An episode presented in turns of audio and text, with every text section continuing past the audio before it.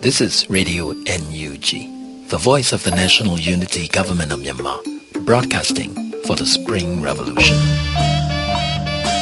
Radio NUG is transmitting from shortwave 16 meter, 17.710 megahertz daily at 8 a.m. and 8 p.m. Myanmar Standard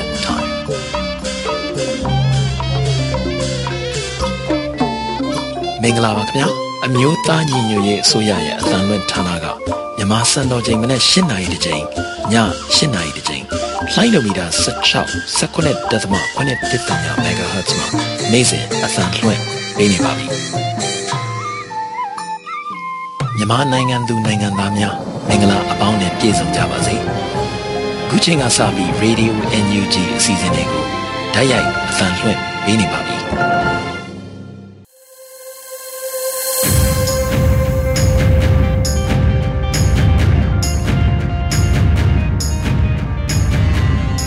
မြန်မာနိုင်ငံသူနိုင်ငံသားများတဘာဝပေးစစ်အာဏာရှင်ဘေးတို့ကနေကင်းဝေးပြီးကိုစိတ်နှပါကျမ်းမာလုံးယုံကြပါစေလို့ Radio NUG အဖွဲ့သားများကဆုတောင်းမေတ္တာပို့သလိုက်ရပါတယ်။အခုချိန်ကစပြီး Radio NUG ရဲ့သတင်းများကိုတင်ဆက်ပေးတော့မှာဖြစ်ပါတယ်။ကျွန်တော်ຫນွေဦးလွင်ပါ။အခုပထမဆုံးအနေနဲ့အမျိုးသားညီညွတ်ရေးအစိုးရကာကွယ်ရေးဝန်ကြီးဌာနကစက်တဘာ9ရက်နေ့အတွက်စစ်ရေးသတင်းအကျဉ်းချုပ်ထုတ်ပြန်ခဲ့တဲ့သတင်းကိုတင်ဆက်ပေးကြပါမယ်။ စစ်အာဏာရှင်တိုက်ဖြတ်ရေးပြည်သူလူထုရဲ့ခုခံတော်လှန်စစ်စတင်ကြောင်းကြေညာခဲ့တဲ့စက်တင်ဘာလ9ရက်မှာတိုင်းဒေသကြီးနဲ့ပြည်နယ်တွေမှာစစ်ကောင်စီတပ်နဲ့သူနဲ့ဆက်ဆက်တဲ့ပြစ်မှတ်တွေကိုတိုက်ခိုက်ခဲ့တာရှိသလိုစစ်သားနဲ့ရဲတပ်ဖွဲ့ဝင်တွေကလည်းပြည်သူနဲ့အတူပူးပေါင်းလာတာတွေရှိခဲ့ပါတယ်။ အမျိုးသားညီညွတ်ရေးအစိုးရကာကွယ်ရေးဝန်ကြီးဌာနကစက်တဘာလ9ရက်စီရေးသတင်းအကျဉ်းချုပ်ထုတ်ပြန်ရမှာတနင်္သာရီစကိုင်းမကွေးပဲခူးကယားချင်းမွန်ရှမ်းစတဲ့တိုင်းနယ်ပြည်နယ်တွေမှာတိုက်ပွဲတွေဖြစ်ခဲ့သလိုပောက်ကွဲမှုတွေလည်းဖြစ်ခဲ့လို့စစ်ကောင်စီတပ်ဖွဲ့ဝင်တွေတိစုံမှုတွေရှိခဲ့တာပါအဲ့ဒီဖြစ်စဉ်တွေကြောင့်စစ်ကောင်စီတပ်ဖွဲ့ဝင်22ဦးသေဆုံးပြီး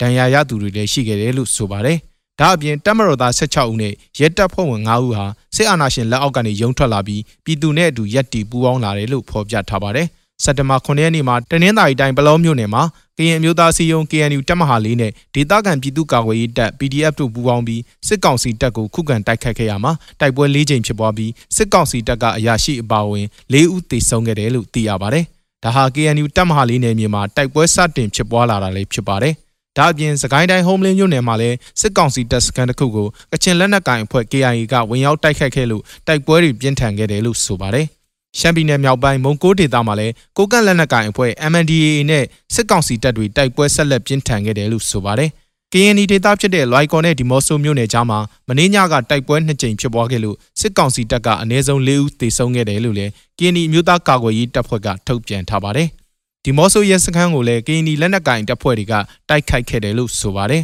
။တမတော်သားတွေနဲ့ရဲတပ်ဖွဲ့ဝင်တွေစစ်ကောင်စီတပ်ကရုံထွက်ပြီးပြည်သူနဲ့အတူပူးပေါင်းလာတဲ့ဖြစ်ရပ်တွေကတော့ တနင်္သာရီတိုင်းတဝဲစစ်ကောင်စီတပ်ကထွက်လာတဲ့23ဦးအနက်16ဦးဟာတော်လန်ရေးတပ်တွေစီမှာပူးပေါင်းနိုင်ခဲ့တယ်လို့ဆိုပါတယ်။အင်အား23ဦးရှိတဲ့အထက်က9ယောက်ကပူးပေါင်းပါဝင်လို့ခြင်းမရှိလို့အပြန်အလှန်ပစ်ခတ်မှုတွေဖြစ်ပြီး6ဦးသေတဦးဖမ်းမိခဲ့တာလို့လည်းသိရပါတယ်။ချင်းပြည်နယ်တွန်းဆန်းမြို့ရဲစခန်းကရဲတပ်သားကိန်ကမ်းမိန်အပါအဝင်ရဲတပ်ဖွဲ့ဝင်9ဦးဟာစစ်အာဏာရှင်စနစ်ဆိုးကိုတော်လှန်ဖို့အတွက်စက်တဘာ9ရက်နေ့မှာချင်းပြည်ကာကွယ်ရေးတပ်ဖွဲ့ CDF တန်းလာရောက်ပူးပေါင်းခဲ့တယ်လို့ CDF ကထုတ်ပြန်ပါတယ် ဒါအပြင်ကလေးမျိုးနယ်တောင်ပိုင်းကကျေးရွာတွေကိုဝင်ရောက်မှွေနှောက်နေတဲ့စစ်ကောင်စီတပ်ကိုကလေး PDF ကမိုင်းနဲ့တိုက်ခိုက်ခဲ့တာကြောင့်စစ်ကောင်စီတပ်က၄ဦးသေဆုံးခဲ့တယ်လို့ PDF ကထုတ်ပြန်ထားပါတယ်။စက်တဘာ၈ရက်နေ့မှာလည်းကင်းဒီဒေသအချို့မှာတိုက်ပွဲတွေဆက်ဖြစ်ခဲ့သလို KIA ထိန်းချုပ်နယ်မြေကချင်ဒေသမှာစစ်ကောင်စီတပ်တွေစစ်ရေးလှုပ်ရှားတာတွေပြုလုပ်နေတယ်လို့သိရပါတယ်။ကာဝေးရေးဝန်ကြီးဌာနဟာမြေပြင်သတင်းတာဝန်ခံတွေနဲ့သတင်းဌာနတွေမှာဖော်ပြထားတဲ့အချက်လက်တွေပေါ်အခြေခံပြုစုပြီးအခုလိုစူးစီးထုတ်ပြန်ခဲ့တာလို့သိရပါတယ်။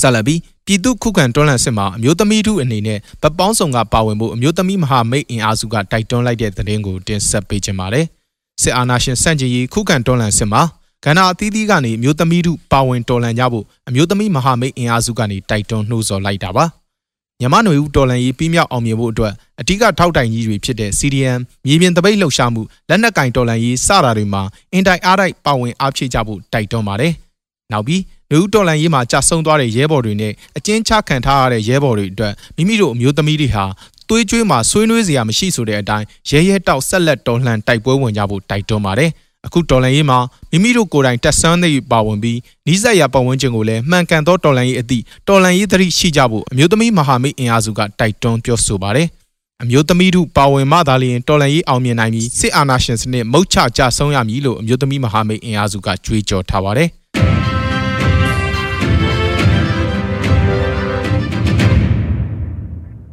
ဆက်လက်ပြီးကလေးမျိုးနယ်အတွင်းကကြေးရွာတရွာကိုအကြမ်းဖက်စစ်ကောင်စီတပ်တွေမိရှို့ဖျက်ဆီးခဲ့တဲ့တဲ့ရင်ကိုတင်ဆက်ပေးခြင်းပါတယ်။စကိုင်းတိုင်းကလေးမျိုးနယ်အတွင်းကတင်သားရွာကိုအကြမ်းဖက်စစ်တပ်က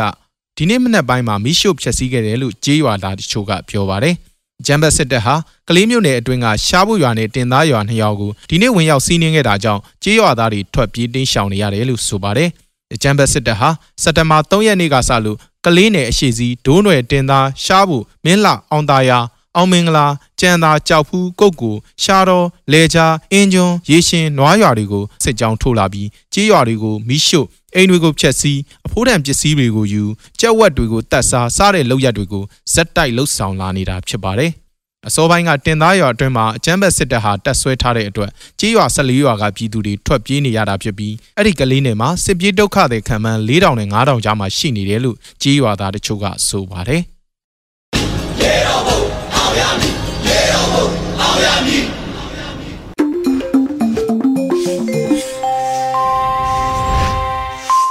အခုအချိန်ကစပြီးတိုင်းရင်းသားညီနောင်အင်အားစုတွေပြည်သူ့ကာကွယ်တပ်မတော် PDF တပ်သားတွေနဲ့ပြည်သူလူထုတို့ရဲ့အရှိန်အဟုန်မြင့်လာတဲ့တိုက်ပွဲသတင်းတွေကိုစူးစီးတင်ဆက်ပေးသွားမှာဖြစ်ပါတယ်ကျွန်တော်ကျော်နေဦးပါ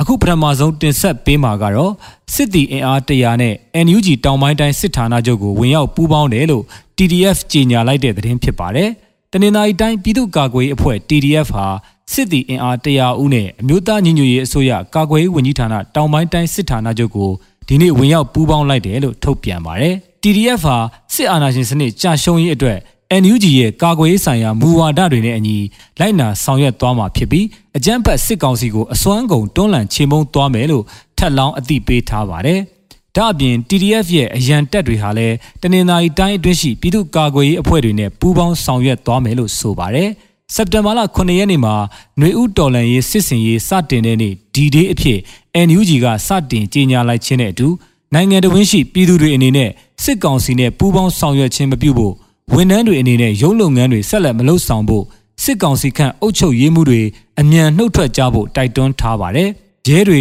တက်မတော်သားတွေအနေနဲ့လည်းပြည်သူရင်ဝင်ကိုအမြန်ဆုံးခိုလုံကြဖို့စီရေးကာလအတွင်းပြည်သူတွေအနေနဲ့ရိတ်ခါနဲ့စေဝါတွေစုဆောင်းကြဖို့လဲနှိုးဆော်ထားပါတယ်။အထက်ပါတိုက်တွန်းနှိုးဆော်ချက်တွေကိုလိုက်နာဆောင်ရွက်ခြင်းမရှိဘဲစစ်ကောင်စီရဲ့ရန်ရာတွေကိုထောက်ကူလဲပတ်စေနိုင်တဲ့ဝန်ထမ်းတွေအုပ်ချုပ်ရေးမှုတွေဒလန်တွေကို TDF ဟာအရန်တပ်ဖွဲ့တွေနဲ့ပြင်ပကနေအရေးယူဆောင်ရွက်သွားမယ်လို့သတိပေးကြေညာပါဗျ။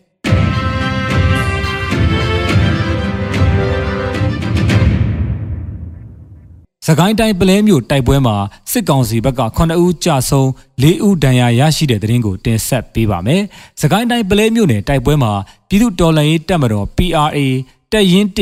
တက်ခွဲ1နဲ့တက်ခွဲ17နဲ့ ဒေသခံ PDF တို့ပူးတွဲတိုက်ခိုက်ရာစစ်ကောင်စီဘက်က9ဦးကြာဆုံးပြီး4ဦးဒဏ်ရာပြင်းထန်ခဲ့တာပါစစ်ကောင်စီဘက်ကအင်အား30ကျော်စိုင်ကယ်တွေနဲ့ပလဲမြို့နယ်ကိုဝင်ရောက်လာခဲ့တာကြောင့်မိုင်းဆွဲပစ်ခတ်တိုက်ခိုက်ခဲ့ခြင်းဖြစ်တယ်လို့ဒေသခံတော်လှန်ရေးအဖွဲ့ကထုတ်ပြန်ပါတယ်စစ်ကောင်စီကအလောင်းတွေပြန်တယ်ပြီးသွေးအိုင်တွေကိုတဲများအုပ်ခဲ့တယ်လို့သိရပါတယ်။ပြည်သူတော်လှန်ရေးတပ်မတော် PRA နဲ့ဒေသခံ PDF အဖွဲ့တို့ဘက်ကအထိခိုက်မရှိပြန်လည်ဆုတ်ခွာနိုင်ခဲ့ပါတယ်။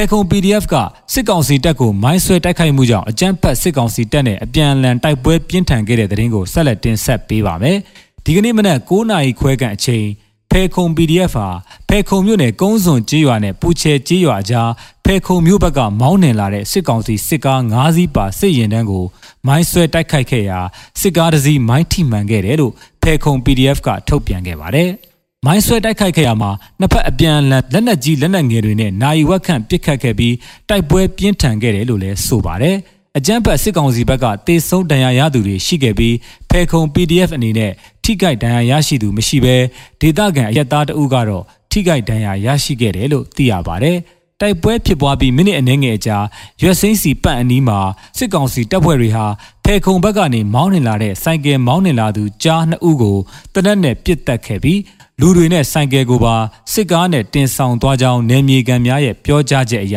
သိရပါတယ်ခင်ဗျာရေဒီယိုအန်ယူဂျီကဆက်လက်အသံလွှင့်နေပါတယ်ယခုနားဆင်ရမှာကတော့ဒေါက်တာတင့်ထွန်းလက်ဆွေးနွေးတင်ပြထားတဲ့ကိုဗစ်နဲ့သွေးကြဲစီအကြောင်းဖြစ်ပါတယ်အပြင်မှာနောက်ထပ်အလွယ်တကူသူများတွေအခုထိုးနေကြတဲ့ဆေးရပါလဲဆိုတော့ Inoza Inoxaparin လို့ခေါ်ပါတယ် low molecular weight heparin ပေါ့နော်ဒါကတော့ဆေးခေါ်အဲအပြတ်သေးနားလေအောင်ပြောမယ်ဆိုသွေးကြဲဆေးပေါ့နော်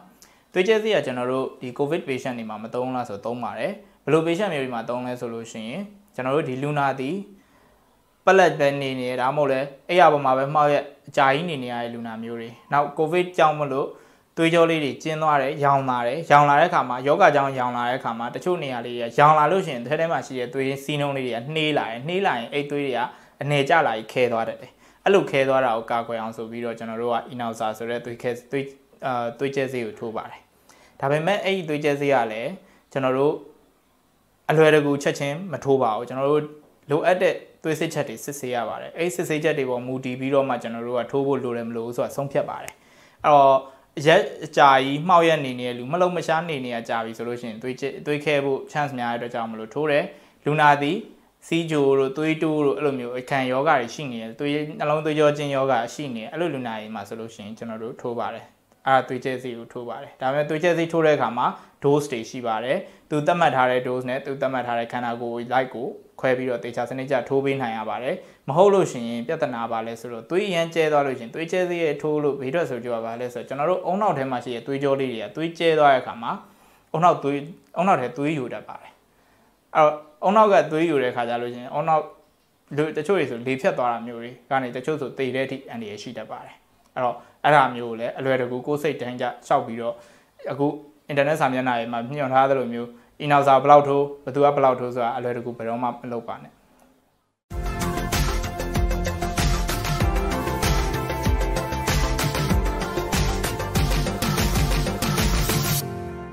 ဆက်လက်ပြီးကျူလီပေါင်သတင်းစင်တွေကတက်ပြက်လူလူဖို့တက်ပုတယောစာကိုနားဆင်ရမှာဖြစ်ပါတယ် တော်စေအကြောင်းတွေတက်ပြက်လူလူမထူးစားခင်းနေပါဖို့တက်ပုတက်ပြက်လူလူဖို့တက်ပုတက်ပြက်လူလူဖို့တက်ပု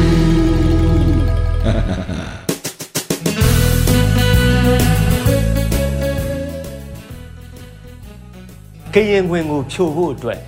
လက်ဖက်ချောက်ကတထုံကိုသွားပြီးတော့ဟိတ်ကြီးဟန်ကြီးနဲ့သွားထိုင်တဲ့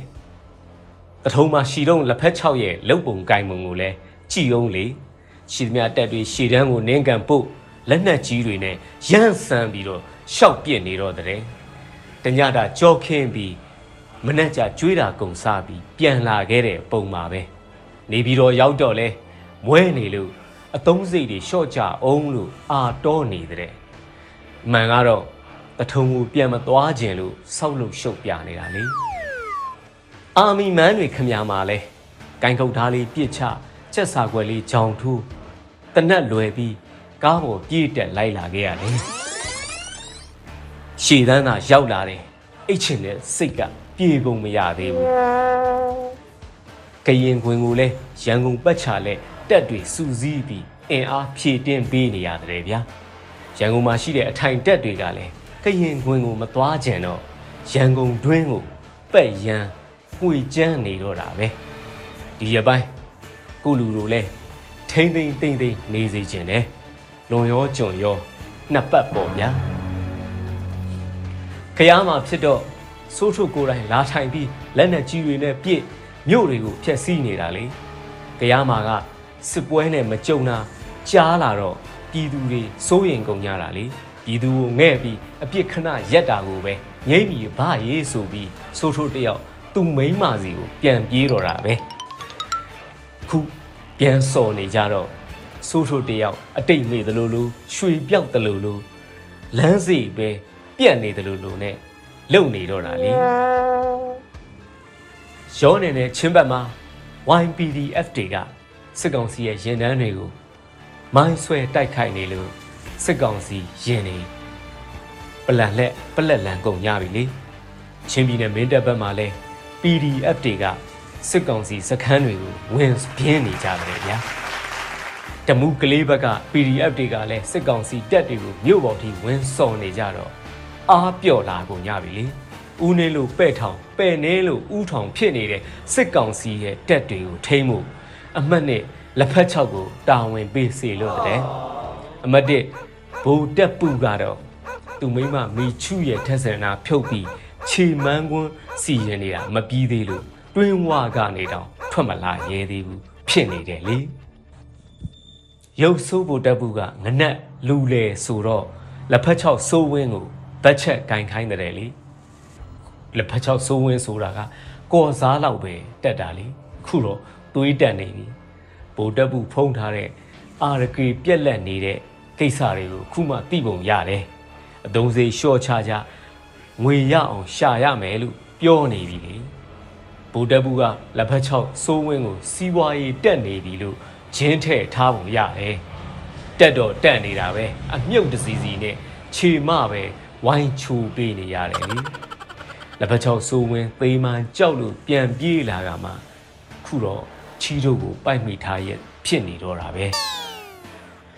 အန်ယူဂျီကာဝန်ဘိုးရီမုံက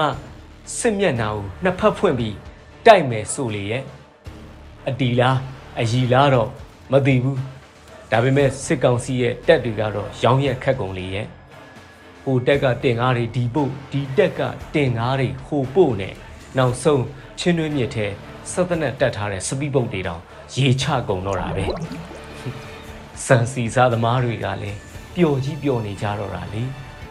စစ်ကောင်စီရဲ့အကြောက်ကြီးကြောက်ချက်ကတော့တကူလုံးတုံခါနေလို့ ငယ်ပါဂျိုးတော်ပြက်ကြလို့မတက်ပဲ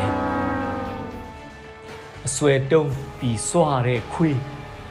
လူစခံရဆိုသလိုပဲလေ NUG ကလည်းစစ်ကောင်စီကိုစနေတာများလား NUG ကထီဆိုတာနဲ့စစ်ကောင်စီခမရမှာလူခါယူခံနေတော့တာပဲ NUG ကရေဒီယိုဆိုတော့လဲဖန်ဟဲစီဟဲနဲ့ SU နဲ့လွှတ်နဲ့ရေဒီယိုအတန်လှိုင်းငိုတောင်မှကက်ကြီးနဲ့ဖြတ်ရရင် ဖြတ်ချင်နေအောင်ကိုယူခါနေတာခုတော့လဲဘယ်နှန်းကလူကိုဘလို့ဖမ်းရမလဲမသိဘယ်လိုင်းကိုဘလို့ဖြတ်ရမလဲမသိနဲ့ချီပန်အယူမှမိဝိုင်းခံနေရတယ်လို့ဖြစ်နေလေရဲ့ကချင်မြေမှာအင်တာနက်လိုင်းတွေဖြတ်လိုက်တာကလည်းကတော့ကမျောပါပဲကြည်ရတာကကချင်မြေမှာရောက်နေတဲ့စစ်ကောင်စီတပ်တွေက Facebook တွေကိုကြည်ရင်းနဲ့သတင်းမှန်တွေဖတ်ရလို့ပြေးကြ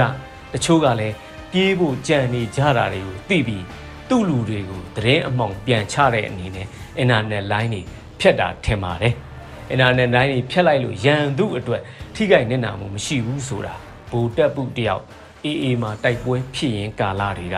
သင်ငန်းစာရထားပြီးသားဖြစ်မယ်ထင်ပါတယ်ဒီတော့မလွဲမသွေစစ်ရေးကပါလာပြီဆိုတော့ surprise ကအရေးကြီးလာပြီလေရန်သူ surprise ကိုဖြတ်တောက်ရတယ်လို့ ကို surprise ကိုလည်းအဖြတ်ခံလို့မရဘူးလေအနေဂျားမှာလက်တွေ့ထောက်ဖို့လုပ်နေတဲ့ဘော်ဘော်တွေကိုလည်းလေးစားတယ်လေဒေါ်လာရေးအတွက်ငါအသက်ကြီးသွားပြီလားဆိုပြီးကိုကိုကိုပြန်ဆန်းစစ်နေတော့ရှိသေးသက်80ကျော်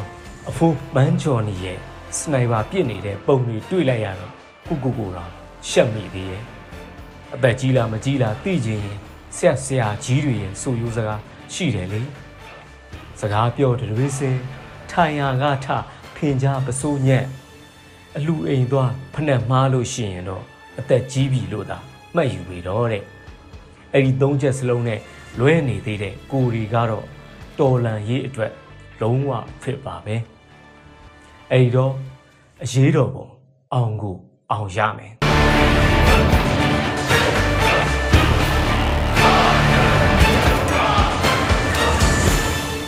ဆက်လက်ပြီးຫນွေဦးတေးဂီတာခန္ဓာအတွက်ရေနာဘုံတက္ကသိုလ်ကျောင်းသားများတက်မကကတည်ဆိုထားတဲ့ຫນွေဦးအောင်ပွဲလို့အမည်ရတဲ့တေးသချင်းကိုနားဆင်ရမှာဖြစ်ပါတယ်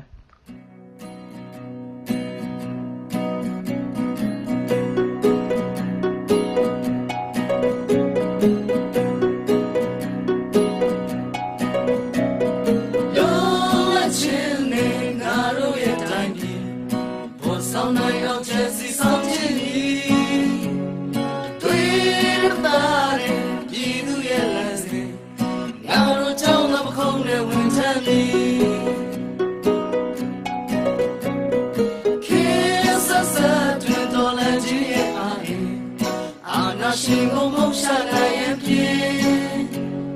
鸟叫西湾过些许年代，我都叫那阿塞卡有你。那呀我的萨索的安嘎达里，轮来我多切地，你让我。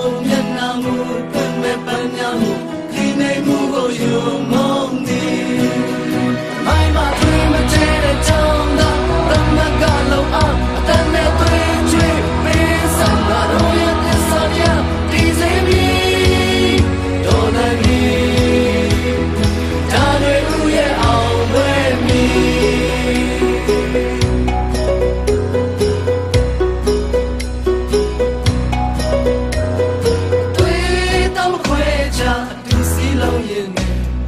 နိုင်ငံတော်ဝန်ထမ်းရရင်ပြင်ဆင်တရားတော်စစ်တော်ငါတို့တိုက်ခိုက်ပြီးလူလူအားနဲ့အမြင့်ဖြတ်နိုင်ရမည်မရတော့သစ္စာဆိုရ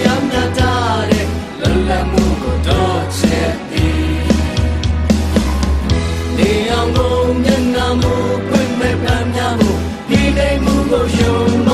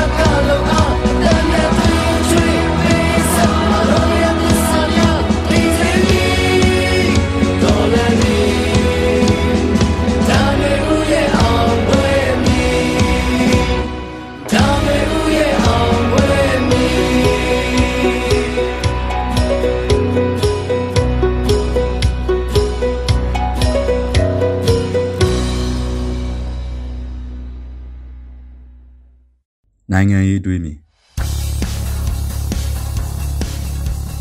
မြန်မာတနိုင်ငံလုံးအရေးပေါ်အခြေအနေနဲ့ပြည်သူလူထု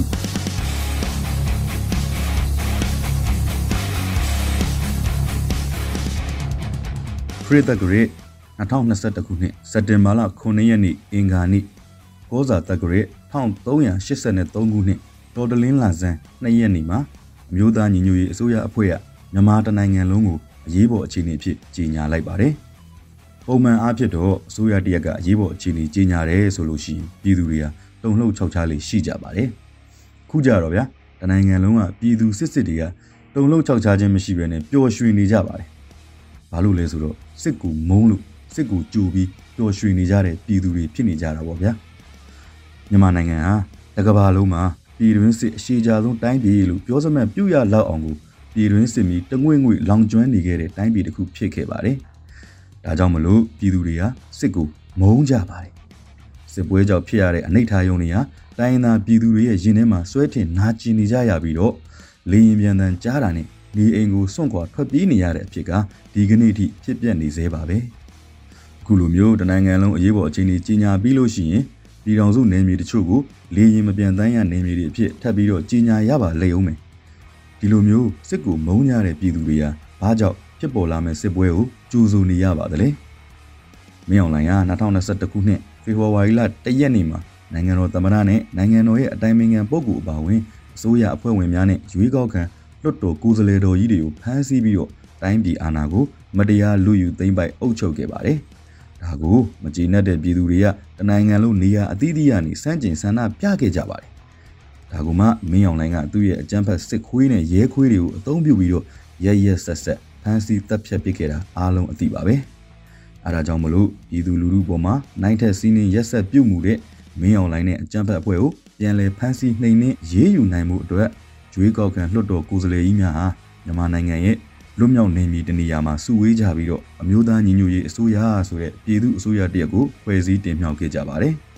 ဒီပြည်သူအစိုးရကနေမည်အသီးသီးမှာပြန့်ကျဲနေတဲ့ပြည်သူတော်လှန်ရေးအဖွဲ့တွေနဲ့တိုင်းရင်းသားလက်နက်ကိုင်အစုအဖွဲ့တွေကိုပါစုစည်းပြီးတော့စက်တင်ဘာလ9ရက်နေ့ကစလို့မြန်မာပြည်သူပြည်သားများအားလုံးဝမ်းသာပျော်ရွှင်ရမယ့်နေ့အထိအဲတနည်းအားဖြင့်အမျိုးသားအောင်ပွဲရမယ့်နေ့အထိတနိုင်ငံလုံးအရေးပေါ်အခြေအနေအဖြစ်ကြီးညာလိုက်ပြီးတော့မင်းအောင်လိုင်နဲ့အကြမ်းဖက်အဖွဲ့ကိုခြေမုံတိုက်ခိုက်မှာဖြစ်တယ်လို့ပြောဆိုလာလို့ကျုပ်တို့ပြည်သူပြည်သားတွေအားလုံးကစစ်ကိုကြိုးဆိုပြီးတော့ပျော်ရွှင်နေကြရတာပဲဖြစ်ပါတယ်။ အမျိုးသားညီညွတ်ရေးအစိုးရဟာနာမည်နဲ့လိုက်အောင်ကိုတမိုင်းတစ်လျှောက်လုံးမှာမကြုံစဘူးထူးကဲလာတဲ့အမျိုးသားလုံးသွေးစည်းညီညွတ်ရေးကိုဆောင်ရွက်နိုင်နေတယ်လို့ဆိုရလောက်ပါပြီတဲ့။ဘာဖြစ်လို့လဲဆိုတော့တိုင်းရင်းသားများအားလုံးလိုလိုကိုစူးစီးထားနိုင်ပြီးတော့လွတ်လပ်ပြီးတရားမျှတတဲ့ဒီမိုကရေစီဖက်ဒရယ်ပြည်ထောင်စုကိုတည်ထောင်နိုင်အောင်လို့ကြိုးပမ်းနေတာဖြစ်ပြီးတော့အခုစစ်ပွဲဟာမြန်မာနိုင်ငံကြီးလွတ်လပ်ရေးရပြီးကလေးကစပြီးတော့အခုတည်းထိနှစ်ပေါင်းများစွာဖြစ်ပွားနေတဲ့ပြည်တွင်းစစ်မီးကိုငြိမ်းအေးစေမယ့်စစ်ပွဲတစ်ခုဖြစ်တာကြောင့်မလို့ ပြည်သူတွေကစစ်ကိုကြိုးပြီးပျော်ရွှင်နေကြရတာပါစစ်ပွဲပဲဗျာဘသူကကြိုက်မှာလဲစစ်ဖြစ်ပြီးဟေ့ဆိုလို့ရှိရင်နှစ်ဖက်စလုံးကတေးကြီးပျက်စီးကြမှာဖြစ်တဲ့အပြင်စစ်ဖြစ်တဲ့ဒေသဆိုတာဒီတိုင်းပြည်တွေကဒီပြည်သူလူထုတွေပဲနေထိုင်လောက်ကင်စားတောင်းနေတဲ့နေရာမှာဖြစ်ပွားတာဖြစ်လို့ပျက်စီးဆုံးရှုံးမှုတွေဖြစ်မှာတော့အသေးကြပါပဲ။ဒီတော့ဘသူမှစစ်ကိုမဖြစ်စေချင်ကြပါဘူးစစ်မဖြစ်ဘဲနဲ့အောင်ပွဲရတယ်ဆိုတာကတော့အကောင်းဆုံးပေါ့ဗျာအေးမင်းအောင်နိုင်ရဲ့အကြမ်းဖက်အဖွဲ့က လက်နက်ကင်တောင်းကျမ်းသူတွေအားလုံးဒါကိုနားလေသဘောပေါက်ပြီးတော့ပြည်သူလူထုထံမှာလက်နက်ချအလင်းဝင်လိုက်မယ်ဆိုရင်တော့အကောင်းဆုံးပဲပေါ့ဗျာအဲ့ဒီလိုမှမဟုတ်ရင်တော့စစ်ပွဲဆိုတဲ့အတိုင်းအထီးခိုက်ဆုံးရှုံးမှုတွေနဲ့နာကျင်မှုတွေကိုကြုံတွေ့ရနိုင်ပါတယ်မင်းအောင်နိုင်ဘက်ကတိုင်းမဲ့သူတွေအနေနဲ့ထဲသွင်းစဉ်းစားတင်တာကရှုံးနေခဲ့မယ်ဆိုရင်တော့စစ်တပ်နှစ်ခုတိုက်တာမဟုတ်ဘဲနဲ့စစ်တပ်နဲ့ပြည်သူနဲ့တိုက်တာဖြစ်လို့ကိုတယောက်တည်းကြာရှုံးယုံနဲ့မကဘဲနဲ့ကြံရစ်ခဲ့တဲ့ကိုမိသားစုကပါပြည်သူတွေကြားမှာ အဆက်တကွဲအကျိုးနဲ့နဲ့ရင်ဆိုင်ကြံရစ်ခဲ့မယ်ဆိုတာကိုတော့နားလေသဘောပေါက်ဖို့လိုအပ်ပါတယ်ပြည်သူလူထုကြီးကအရန်ကိုဒေါသထွက်ပေါက်ကွဲပြီးတော့တင်းကြီးခံခဲ့ရသမျှကိုအတိုးချပေါက်ကွဲကြမှာဆိုတော့ကခမားတို့ရဲ့ကြံရစ်ခဲ့မဲ့မိသားစုအရေးကိုလည်းထည့်သွင်းစဉ်းစားကြရမယ်ဗျဘူကျုပ်တွေဘူကျုပ်ကြီးတွေဆိုတာသူတို့ရဲ့မိသားစုဝင်တွေအားလုံးကိုဟိုးဘေးလို့ရနိုင်ငံသားတွေမှာလွတ်ထားရှောင်ထားခိုင်းပြီးတော့ဒင်းတို့က AACC နှက်နေကြတာဆိုတော့သူတို့အတွက်ကတော့အလွတ်ကြီးဗျာအခုချိန်မှာခမားတို့ဗက်ရွေးမှရင်တော့ ရှုံးရှုံးနိုင်နိုင်တသက်လုံးစစ်ခွေးရဲခွေးဖြစ်ကြရမယ်ဆိုတာကိုနားလေသဘောပေါက်ထားကြဖို့တတိချက်သင့်ပါတယ်ပြည်သူလူထုတွေအနေနဲ့ကတော့စစ်ကိုမုန်းလို့စစ်ကိုကြိုးဆိုခဲ့ကြပြီးပြီဆိုတော့လူအပ်တာတွေကိုပြင်ဆင်ထားကြဖို့လိုပါတယ်စစ်ဆိုတာလည်းလေးနဲ့တိုက်လို့မရတာကြောင့်လိုအပ်တာလေးတွေကိုအရင်အထက်ပို့ပြီးတော့ကူညီကြဖို့အရေးကြီးပါတယ်ငွေအားလူအားတက်နိုင်တဲ့ဘက်ကနေဝိုင်းဝန်းကူညီပေးကြဖို့တိုက်တွန်းလိုပါတယ်အမျိုးသားညီညွတ်ရေးအတွက်ပဲဗျာညီညီညွတ်ညွတ်ဝိုင်းဝန်းပါဝင်ကြရမှာပေါ့နောက်တစ်ခုကတော့ ဒီနေ့အရေးပေါ်အခြေအနေကြီးညာပြီးဒီနေ့အကုန်တိုက်ကြဆိုတာမျိုးတော့ဘယ်ဟုတ်လိမ့်မလဲဗျာအရေးပေါ်အခြေအနေကြီးညာမယ်နောက်လိုအပ်လို့ရှိရင်ပြည်တော်စုနေမြေတွေကို no fly zone ဖြစ်ကြီးညာမယ်အဲ့ဒီကနေမှထပ်မံထွက်ပေါ်လာမဲ့လွတ်မြောက်နေမြေတွေကိုကြီးညာပါလိမ့်မယ်စစ်ပွဲဆိုတာတနေ့တရက်ထဲနဲ့ပြီးမြောက်မယ်လို့မဆိုနိုင်တဲ့အတွက်စစ်ပွဲကြီးပြီးဆုံးလို့အမျိုးသားအောင်ပွဲရတဲ့နေ့အထိပြည်သူတွေကတောင့်ခံထားနိုင်မှုလိုအပ်ပါတယ်။ ဒီတော့တယောက်နဲ့တယောက်ဝိုင်းဝန်းဖေးမှကြပြီးတော့ဒီအကြက်တွေကိုကြော်လွှားကြဖို့လုံးဝကိုအရေးကြီးပါတယ်။အမျိုးသားအောင်ပွဲမရမချင်းပြည်သူအချင်းချင်းဖေးမှကူညီကြပါလို့ပြောကြလိုပါတယ်။အရေးတော်ပုံကအောင်ပွဲစီကိုတဖြည်းဖြည်းနီးကပ်လာနေပါပြီ။မတရားမှုတွေခြုံငိမ့်ပြီးတော့တရားမျှတမှုတွေပြန်လည်ရောက်ရှိလာတော့မှာပဲဖြစ်ပါတယ်ဗျာ။ကဘာမှာမြန်မာဟာသမိုင်းသစ်တစ်ခုကိုရေးထိုးပြီးကဘာသူကဘာသားတွေကိုပြန်လည်သင်ပြနိုင်တော့မယ့်အချိန်ကိုရောက်ရှိတော့မှာပါ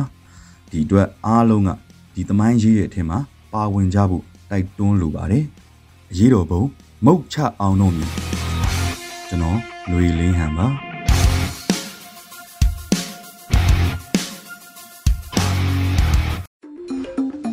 ဒီကနေ့တော့ဒီညနေပဲ Radio NUG အစီအစဉ်လေးကိုကိတ္တရန်နာလိုက်ပါမယ်မြန်မာစံတော်ချိန်မနေ့၈နာရီညနေ၈နာရီတို့မှာပြန်လည်တွေ့ဆုံကြပါစို့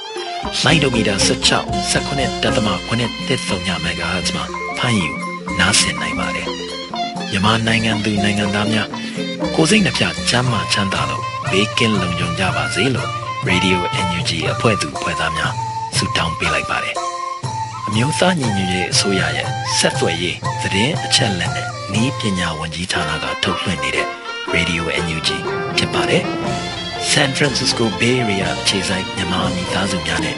နိုင်ငံတကာကစေတနာရှင်များလုံအားပေးများရဲ့ Radio NUG ဖြစ်ပါတယ်။အရေးတော်ပုံအောင်ရမည်